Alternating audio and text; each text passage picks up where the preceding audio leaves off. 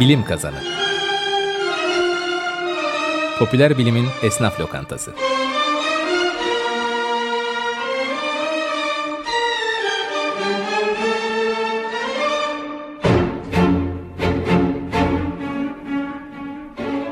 Hazırlayan ve sunanlar İlker Öztop, Alp Sipahigil ve Aysu Uygur.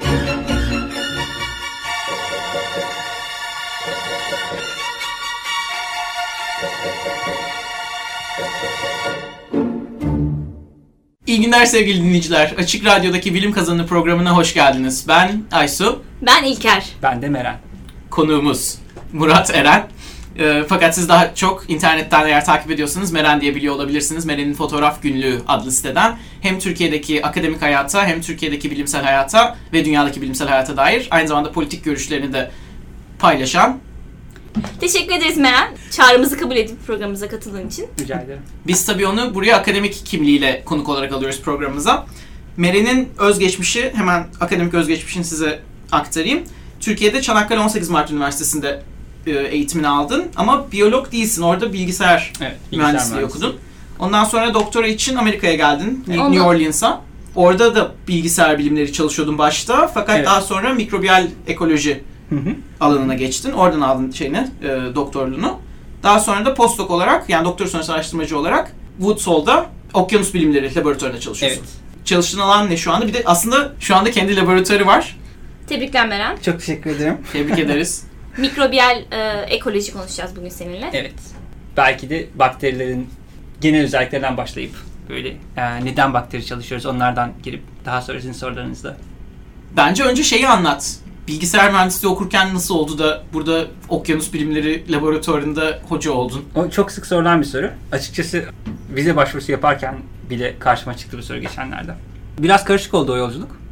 Aa, Bilgisayar mühendisliğinden mezun olduktan sonra ve New Orleans'ta doktor esnasında yine bilgisayar bilimleriyle ilişkili alanlarda çalışırken yavaş yavaş biraz da çevremdeki insanların etkisiyle özellikle Duygu Özpolat ve Arpat Özgül aa, biyolojiye heves sarmaya başladım. Ve doktorun 3. yılında nanopor aa, teknolojileri üzerine çalışıyordum. Daha sonra bu alanda çok fazla tatmin bulamayacağımı anladığım zaman mikrobiyal ekolojiye yavaş yavaş yoğunlaşmaya başladım. Tamamen rastlantı eseri. Çünkü bir çocuk hastanesinde çalışıyordum. Ve çocuk hastanesinde çalışan diğer profesörün bilgisayar, bir bilgisayar bilimleri insanların çözebileceği bir takım biyolojik problemleri vardı. Ona yardım etmeye çalışırken tabii mikrobiyal ekoloji ve mikrobiyoloji alanından bir şey öğrenmek zorunda kaldım. Onun heyecanıyla başlayıp ondan sonra devam etti ve bilgisayar bilimlerinden doktora aldıktan sonra Woodsall'a MBA'ye gelip burada yine orada başladığım serüvene devam etmeye Aslında bilgisayar bilimlerinin şu an biyolojide birçok konuya katkısı var ve o alandan insanlara ihtiyacımız var ama senin girdiğin alan mikrobiyal ekoloji tam olarak alan olarak mikrobiyal ekoloji neye bakıyor? Ve neden bilgisayar Hangi- bilimlerinin sağladığı veri analizi şeyinin çok önemi var o alanda?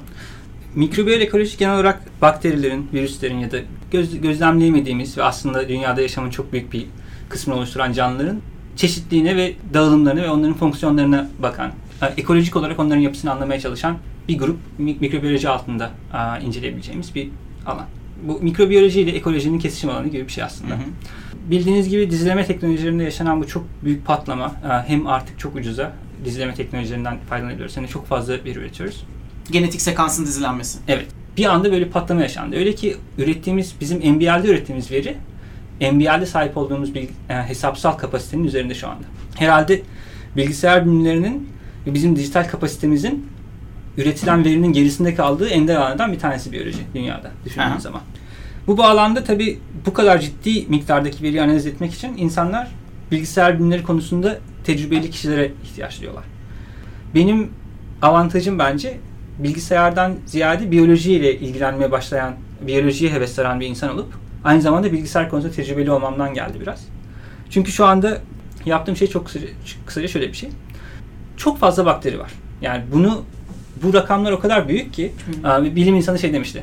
Mikrobiyoloji bize şu anda öyle hikayeler anlatıyor ki astronomiden öğrendiğimiz rakamlar bunun aynısında çok acınası rakamlar olarak kalmaya başladılar. Yani evrende kaç yıldız var filan falandan başlayıp o rakamları düşündüğünüz zaman okyanuslarda kaç bakteri, bakteriyel hücre var ile kıyaslanamaz rakamlar olduğunu görüyorsunuz. Aha. Her neyse. Bir insan vücudunun bile çok daha önceki programlarımızdan bir tanesinde mikrobiyottan bahsetmiştiniz zaten. Bir insanın, sağlıklı bir insanın vücudunda yaşayan bakterilerin sayısı o sağlıklı insanın vücudunu bir araya getiren hücrelerin yaklaşık 10 katı. Yani çok fazla bakteri var ve her yerdeler. Ve şu anda yavaş yavaş bu işte çeşitliliğin kabasını anlamaya başladık. Burada şey de önemli değil mi? Sayıca çok olmalarının yanında çeşit olarak da çok fazla. Yani Evet. bir insan vücudunda kaç Tek bir çeşit genom var. te- tek bir genom var ama Evet. vücudumuzda yaşayan bu metagenom, mikrobiyom Yaklaşık bin katı bin katı Ha, daha fazla. daha fazla fonksiyonu kodlayabiliyor bu genetik. Bakteriler çok çeşitli. Yani 100, 100, 120 santigrat dereceden eksi 30, eksi 40 santigrat dereceye kadar. Aa, 1000 atmosfer basınçtan 0 atmosfer basınca kadar vesaire. Bakteriler dünyadaki yaşa, yaşamın sınırını be- belirleyen arkea ile beraber organizmalar. Tabi bunu nasıl yapıyorlar? Bu kadar çeşitli ortamlara ayak uydurmalarını sağlayan fonksiyonel bir e, repertuara sahipler. Ve genetik çeşitliliğe baktığınız zaman hatta benim her konuşmamda kullandığım bir slide'ım var. Tree of Life denen bir ağaç var. Filogenetik ağaç. Evrim ağacı. Şu ana kadar genomu sekanslanmış tüm canlılardan oluşan bir evrim ağacı. Aha. Orada işte insanı, şempanzeyi, salatalığı, balıkları, işte ha, bitkileri vesaire görüyorsunuz. Ona bakarken keşfettiğiniz ilk enteresan e, şey şu. Dünyadaki yaşantının çok büyük bir kısmı gözle görülemeyen canlıların teşkil ettiği kısmı. Biomass olarak yani e, biyolojik ağırlığa baktığınız zaman. Aha. Terazinin bir köşesi, e, kefesine tüm gördüğünüz balıklar, insanlar, hayvanlar, işte e, bitkileri koyun. Diğer tarafa tüm mikrobiyal canlıları. Arada çok büyük bir uçurum var ağırlık anlamında solda. Aa, sol sağ. Artık Radyo dinleyicilerimiz. ona göre. Görüyor musunuz sevgili dinleyiciler? Diğer taraftan bu filogenetik ağaca gene bakarken morfolojik olarak birbirinin neredeyse aynı olan bakterilerin aslında genetik olarak birbirinden ne kadar farklı olduğunu görüyorsunuz. Öyle ki bu farklılık size şeyi hissettiriyor. Yani bir E. coli bakterisiyle bir Prevotella bakterisinin birbirine, birbirlerine ne kadar farklı olduğuna bakınca bir insan ile salatalık birbirinin aynısı oluyor. Aha. Genomik olarak. Gerçekten çok enteresan bir şey. E tabi bu çok heyecan verici bir mevzu. Bu Ben çok bakteriler- heyecanlandım şu anda bir salatalıkla aynı olabildiğim gerçeğiyle. yerinde duramıyor. Keşke görseniz.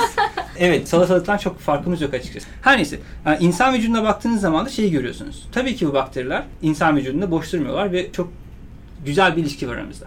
Yani sadece orada mesela parazit gibi yaşamıyorlar. Aslında bize faydası görüyorlar. olan işler de yapıyorlar. Kesinlikle. Öyle ki tabii evrimin çeşitli seviyelerinde farklılık gösteren bir e, ilişki söz konusu. Mesela süngerlere baktığınız zaman deniz süngerlerine ya da işte insan kadar karmaşık sistemlere sahip olmayan canlılara baktığınız zaman e, bakteriyel toplulukların onların hayat üzerindeki etkilerinin ne kadar ciddi olduğunu görüyorsunuz. Hı. Mesela antibiyotik verilen bir sünger ölüyor.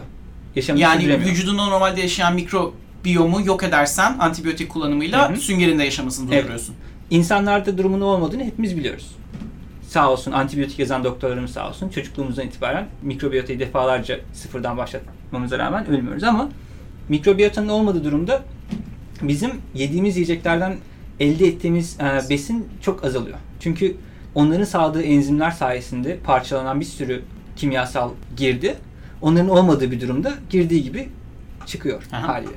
Tabii bu bunun çok önemli etkileri var. Ayrıca insan vücudunda bu kadar geniş alanlarda faaliyet gösteren işte ağız, kulak boşluğu, burun, cilt, bağırsaklar, bakteriyel topluluklardaki küçük değişimler e, ciddi hastalıklara ile e, ilişkili olabiliyor. Dolayısıyla çok ciddi bir ilgi ve merak var bu araştırma alanında ve e, bu da işte bilgisayar bilimleri insanların işin içine girmesine sebep oluyor. Orada şeyi soracağım. Yani sonuçta mikrobiyom olduğunu, vücudumuzda bakteriler yaşadığını, dünyanın her köşesinde bakteriler yaşadığını zaten biliyorduk. Ama sizin bu bi- bilgisayar bilimleri e, çalışan insanların, hesap hesapsal biyoloji çalışan insanların getirdiği teknikle bu organizmaları laboratuvarda kültür ortamında çalışma imkanımız olmasa da genetik bilgilerini sekanslayarak Evet. birbirlerinden ayırt edebiliyoruz. Ne olduklarını fark edebiliyoruz. Birbirleriyle ilişkilendirebiliyoruz. Ve daha evvelden hiç erişemediğimiz bir genişlikte bilgi, veri şeyimiz var şu anda. Evet, çok güzel bir noktaya değindin. Çok yakın bir zamana kadar bakterilerle nasıl çalışıyorduk? Onları laboratuvar ortamında yaşatmaya çalışıp e, homojen kültürler elde edip daha sonra onların bi- biyokimyasal özelliklerine ya da genetik yapılarına bakmaya çalışıyorduk ama bugün biliyoruz ki doğada varlık gösteren bakterilerin yüzde birinden daha azı e, şu ana kadar laboratuvar ortamlarında ifade edilmiş durumda. Hı hı. Çünkü bakteriler aslında çok narin e, topluluklar oluşturuyorlar. Yani onun içerisinden tek bir bakteri alıp kendi başına bir ortamda yaşatmak çoğu durumda mümkün olmayabiliyor.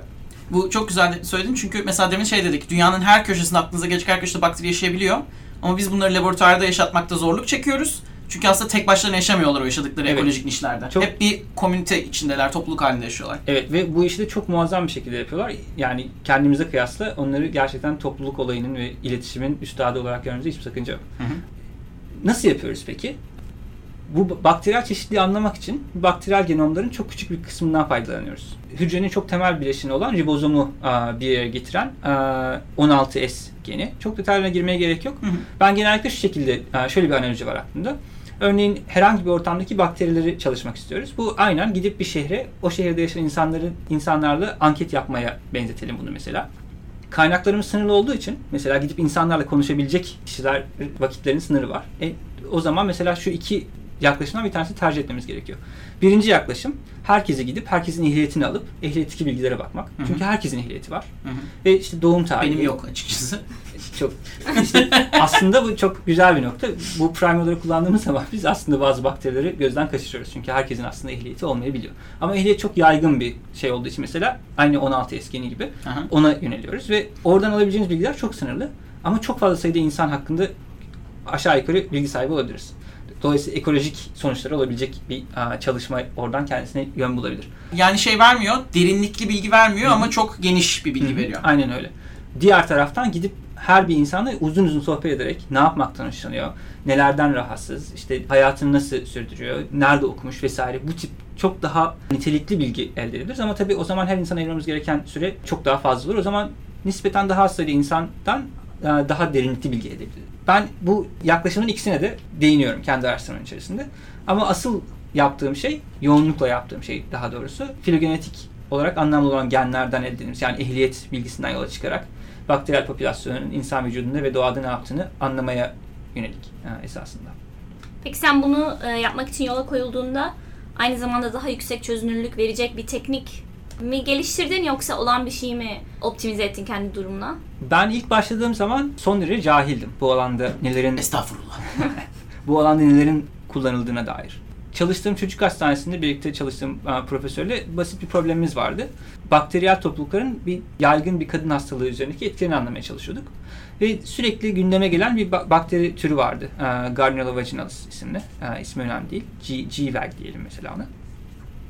Bu bakteri türü hastalığın sebebi olarak görülmesine rağmen birçok kişi tarafından hem sağlıklı hem sağlıksız kadınlarda karşımıza çıkıyordu vesaire. Ve bunları birbirinden nasıl ayırt edebiliriz diye düşünürken ben en, Shannon entropi denen bir yöntem ile, entropi ile birbirine çok yakın olan fakat aslında farklı olan türleri birbirinden ayır, ayırmamı sağlayan bir metot geliştirdim. Sekans bilgisi üstünden mi bu? Evet, Fark. bunlar hep genetik bilgi üzerinden.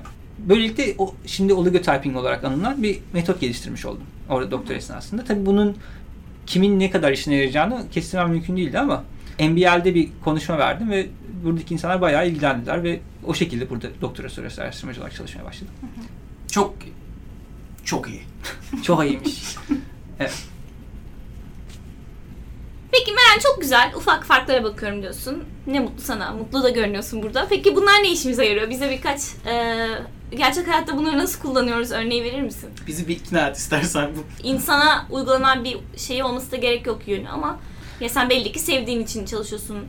E, insanlığa faydam olsun, katkım olsun bilmiyorum. Umurunda Hiç öyle motivasyon değil. yok. Evet. Bizim de yok oradan biliyorum ama e, Şöyle, aa, birincisi insanlık olarak yaptığımız çok sık bir hata, gözlemlerimizin karmaşıklığıyla başa çıkamayışımızdan ileri gelen kategorizasyon ihtiyacı. Aslında düşündüğünüz zaman herhangi bir odaya, bir odaya girdiğiniz zaman o odadaki yani obje sayısı bizim beynimizin her an gerçek anlamda başa çıkabildiğinden çok fazla oluyor.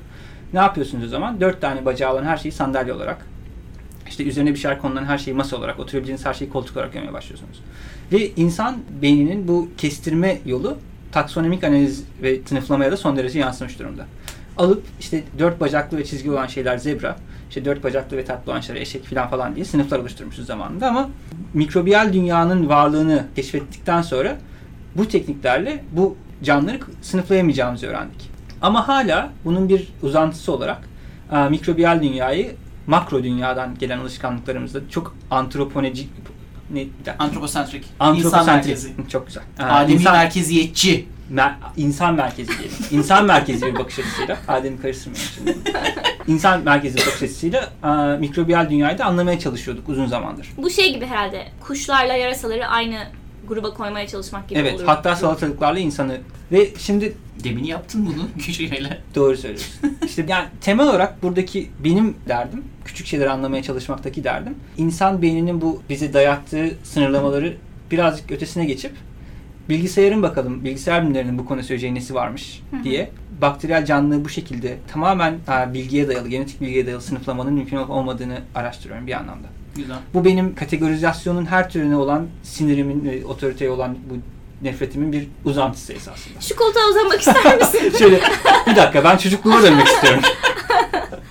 Açıkçası öğrendiğimiz çok fazla enteresan hikaye de var. Şöyle aklıma gelen iki örnek var. Birincisi çok yeni yayınladığımız bir makale. Şu an hatta baskıda ve bu makalede 248 tane sağlıklı insanın ağzındaki 9 değişik bölgeden e, toplanmış örneklere baktık. Dokuz Ha. değişik bölge ne var ki insan ağzında? Boğaz, Damak, diş araları, damak, dil üstü, dil altı. dil üstü, evet aynen öyle yanaklar. Hakikaten 9 tane ekolojik niş var. Hatta daha fazla olduğunu da anladık. Ağızda e, dil son derece mobil bir ortam ağız. Dolayısıyla her bakterinin her yerde olmasını beklersin. Hı. Fakat mesela çok küçük farklarla bazı bakterilerin sadece dil üzerinde, diğerlerinin sadece e, da- damakta ve kimilerinde mesela sadece e, plak e, dediğimiz bölgede olduğunu gördük. Ve bu arkadaşlar birbirlerinden sadece bir iki nükleotit farklılar. Tabii bu bizim insan ağzını çok daha iyi anlamamızı da sağlıyor. Çünkü mesela bazı bakterinin sadece salyada olduğunu bulduk. Peki 9 bölge arasındaki farklılıklar farklı insanlarda aynı uyumlu mu? Yani Evet. mesela Çok güzel bir soru. Şöyle bir örnek vereyim. Benim diş etimle senin diş etin birbirine benim dilimle benim diş etimin benzerliğinden daha, Daha- benzer. anladım. Çok ilginç. Ve insanların ağızlarındaki benzer bölgeler bakteriyel toplulukları bağlamında birbirine daha benzerler. Yani bu beni çok etkileyen bir sonuç. İnanılır şey değil yani. Ağızın ne kadar küçük bir yer olduğunu düşündüğünüz zaman bakteriyel dünyanın ne kadar çeşitli ve e, zengin olduğunu görüyorsunuz buna bakınca. E, Bu nasıl oluyor da oluyor? Fonksiyon olarak bu bakterilerin birbirinden farkı ne ki bu dokular üzerindeki seçilimleri e, yansıyor bu vesaire gibi bir sürü soru beraberine geliyor. Yani senin yaptığın aslında biraz şey bizim şu an mesela bilim genelde gözlemle başlıyor. Sonra fonksiyonel olarak test ediyorsun. Hı hı. Yani senin geliştirdiğin metot işte ya da bilgisayar bilimlerinin bize sağladığı şey o gözlemi yapabiliyor olmak. Harika Daha bir nokta. sonra fonksiyonel olarak Evet. test edilebilir ve Aa, Bir diğer enteresan hadise benim ta doktoramın sonunda işte benim doktoramı çok erken e, bitirmeme sebep olan hikaye. O da bu bakteriyel vaginosis diye bir hastalık var. Kadınların büyük kısmının muzdarip olduğu zaman zaman kimilerinde kronik olarak aa, karşımıza çıkan. Vajinal enfeksiyon mu? Evet bu bir vajinal enfeksiyon. Aa, vajinal ortamdaki bakterilerin aa, yapısı vücudun geri kalanından çok farklı şekilde son derece homojen. Lactobacillus tarzı türü aa, cinsi bakterilerin yoğunlukta olduğu bir ortam, vajinal ortam. Ve bu mesela fazla hijyenden ya da hijyen yoksunluğundan ötürü fırsatçı canlıların arada bir rahatsız ettiği bir ortam. Burası normalde diğer deri şeylerinden daha bazik değil mi? Daha düşük pH sanırım. daha asidik. Daha asidik pardon ters söyledim. Ve tabii bu a, bakteriyel topluluk üzerinde bir etkisi var. Fazla hijyen mesela çok sık karşına çıkan problem. O asitlik dengesini değiştiriyor. O zaman fırsatçı canlılar devreye giriyor vesaire ve işler çığırından çıkıyor. Benim bu probleme bulaşmamın sebebi erken doğum sebebiyle yaşamını yitiren be- bebeklerin annelerin çok büyük kısmının bakteriyel vajinosisten muzdarip olmalarından e, mütevellitti en, en başta. Ve şeyi fark ettik. Örneğin e, bu daha önce de andığım Gardner vaginalis e, isimli bakterinin e, bu hastalığa sebep olduğuna dair bir görüş vardı uzun süredir. Ve çok hastalık yapıcı özellikleri çok güçlü olan bakteri bu. Ama fark ettik ki bu hem sağlıklı kadınlarda da aslında rastladığımız bir bakteri. O zaman nasıl oluyor da bu bakteri o kadar kötüyse mesela sağlıklı kadınları kötü yapmıyor. Tabi o zaman ben son derece cahil bir bilgisayar bilimleri insan olarak bizim türlere böldüğümüz zaman yaptığımız gruplamanın biyolojik pek bir anlamı olmadığını henüz kavrayamamıştım tabii ki. Bu yeni geliştirdiğim metotla bakınca şöyle bir şey yaptım ben. Her kadından Gardner vaginalis olarak sınıflanan tüm e, sekans bilgisini alıp başka bir yere koydum. Yani eğer mesela her kadındaki bu Gardner vaginalislerin eğer barlarını çizecek olsanız her bar aynı renkte olacak. Hı hı. Çünkü her şey Gardner vaginalis. Daha sonra benim kullandığım yöntemi yöntem sayesinde her bir kadındaki Gardner vaginalis popülasyonunu daha alt popülasyonlara böldüm. Çok daha yüksek çözünürlükte. Yüksek Yüksek çözünürlükten. bir e, profilini oluşturdum. İşte o zaman tabii doktor öğrencisiyim. Ha, doktor öğrencilerinin çoğunun çok iyi anlayabilecekleri gibi gecenin bir köründe laboratuvardayım. Saat gece 3 gibi analiz bitti. Ve e, böyle küçük pie chart Türkçesi ne onların? Ee, pasta grafik değil tabii. Pasta grafik bence olur. Ha. Gecenin bir köründe e, bunların pasta grafiklerine bakıyorum. E, her bir kadın birkaç tane e, şeye bölünmüş durumda dilime ve her dilim farklı bir renk. Dolayısıyla farklı bir Gardner Vaginalis alt türünü e, ifade ediyor. Ve bir baktım bütün kadınlar birbirinden çok farklı e, profillere sahip. Yani Hiçbir ortak bir şey yok hiç, yani. Neredeyse ortak bir şey Aynı yok. hastalıktan muzdaripler, aynı bakteri Evet. ama Evet ve alt popülasyonları herkese farklı Bambaşka. gösteriyor. Aynı parmak izi gibi. Ama tabii benim çok şundan ötürü geliştirdiğim hesapsal metodun e, hiçbir geçerli olmadığını düşündüm. Çünkü açıkçası benim... Aysu yanlışlıkla geldik buraya galiba. Bize başarısızlık hikayesi anlatmaya başladı. Evet. Yani bizi başarılı kılan şeyler hep böyle başarısızlardan geliyor ama. Ve şey kanaat getirdim. Yani bu e, hiç beklediğim, görmeyi beklediğim bir şey değildi. Ben istedim ki hastalık kadınlarda bazı renkler olsun. Anlayayım ki şu türler işte ona sebep oluyor vesaire. Öyle bir şey yoktu. Ama aklıma şey geldi. Biz bu e, kadınların cinsel partnerlerinin penis üzerindeki deri dokularından da örnekler topluyorduk. Aynı şekilde Gardner vaginalis olarak sınıflanmış olan e, veriyi erkeklerden de alıp aynı şekilde onları da oligotyping bu geliştirdiğim yöntemle e, yüksek bileşenlerine ayırdım. ayırıp e, kadınların yanına koyduğum zaman bu pasta dilimlerinin parmak izi gibi olan pasta dilimlerinin erkeklerle aynı olduğunu gördüm. Cinsel partnerler arasında. Tabii bu çok rahatsız edici bir bilgi. Çünkü birincisi şunu gösteriyor. E, cinsel partnerinizle aranızda parmak izi gibi bir bağ var. Yani çiftler genital bölgelerdeki mikrobiyal ekoloji konusunda birbirlerinin en azından senin baktığın bakteride Aynısı. aynısı. Evet. Ve bu o kadar güçlü bir sinyal ki belki web sayfasına koymamız lazım bu makalemdeki pasta grafiklerini insanlar Yaparız tabii görebilsin diye. O kadar güçlü ki yani bütün pasta grafiklerini birbirine karıştırsam ve size versem siz cinsel partnerleri tek tek eşleyebilirsiniz. Tabii o zaman insanın hemen aklına bundan şey geliyor yani acaba forenzik bir çalışma yapılabilir mi? Birbirini aldatan Evet. çiftlerin bakteriyel topluluklarına yola çıkarak tespiti gibisinden. Aha. Öyle öneriler gelmedi değil ama tabii benim ilgimi çeken kısmı olmadığı için hiç bulaşmadım. Fakat Ama bir de ne kadar zamanda acaba bunlar e, eşitleniyor? Onu diyecektim O da ben de şey şey. yani uzun süreli partner olması lazım bunun herhalde. şöyle bir örnek vereyim. Aa, Ya ben mesela kimseyle herhalde eşleşmem o konuda. 15 yıl çok kısa bir zaman bir bakteriyel topluluğun penis üzerinde e, varlık göstermeye devam etmesi için. E, birkaç tane çok e, enteresan medikal örnek var. Şimdi değinmeme gerek yok ama bir şekilde cinsel partnerinizden aldığınız bakteriyel topluluk sizin genital ortamınızda 15 yıl yaşayabiliyor. Onu söyleyeyim. Dolayısıyla yani bir ilişkiden çıkıp diğerine giderken o duygusal bavulun yanında başka şeyleri yanında taşıyoruz. Yani Aha. Çok enteresan bir bilgi olarak benim hayatımı uzun süre karartmıştır. Ee, bir dakika ya. Levent şey mi hastalık mı var yani bunu programda paylaşalım Ne yazık istiyorsan. ya, o da çok enteresan çünkü bunları öğrendikçe biz bir yani insan bir çekiniyor. O zaman ben kimseyle birlikte olmayayım falan falan demeye başlıyor. Çok kişisel bir bölüm oldu. Ama aynen mesela yüz binlerce yıldır bu bakterilerle birlikte yaşıyoruz. Yüz binlerce yıldır bu evrim yolculuğunda onlarla kol kola gidiyoruz. Bugün öğrendiğimiz şeyler bizim yaşam tarzımızı çok da değiştirmeli aslında. Mesela bu antimikrobiyal e, sabunlar falan son derece yanlış şeyler ve kesinlikle kullanılması gereken şeyler. Fakat korku o kadar e, hakim ki insan davranışlarının idamesi noktasında neredeyse bizim işte vücudumuzdan güneşten gelen yüz binlerce nötrine geçiyormuş diye alüminyum folyoya dolaşmaya başlayan e, tipler düşünüyor Aha. yani. E, bunlara çok ciddi tepkiler veriyoruz ama kesinlikle çok fazla hijyenik olmamak lazım.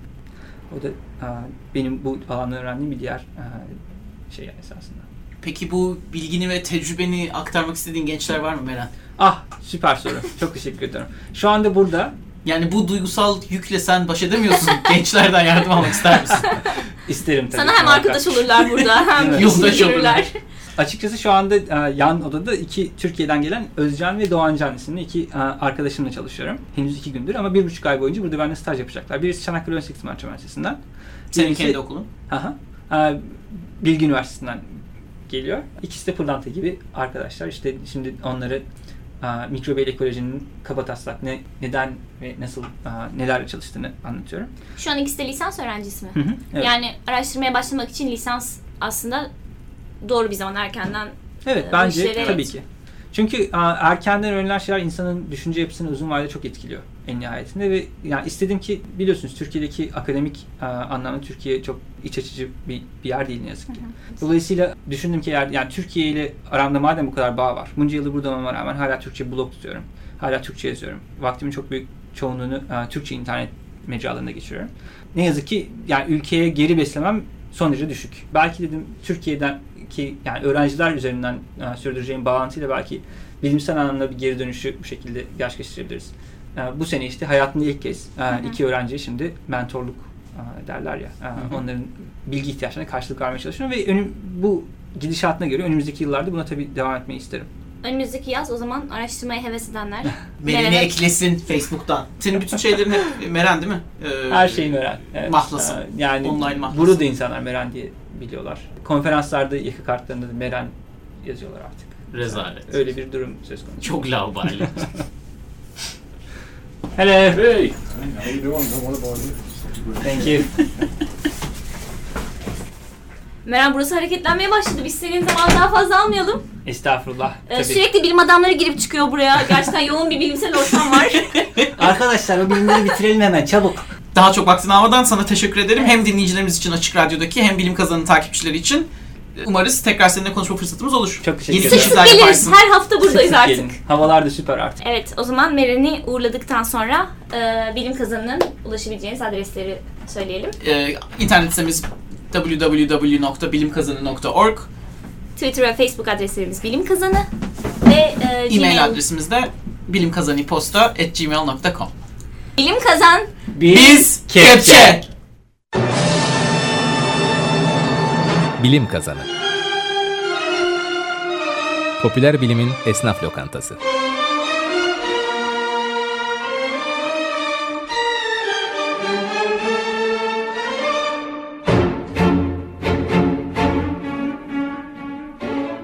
Hazırlayan ve sunanlar İlker Öztop, Alp Sipahigil ve Aysu Uygur.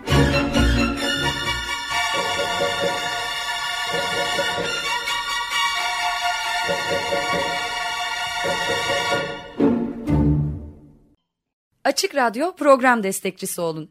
Bir veya daha fazla programa destek olmak için 212 alan koduyla 343 41 41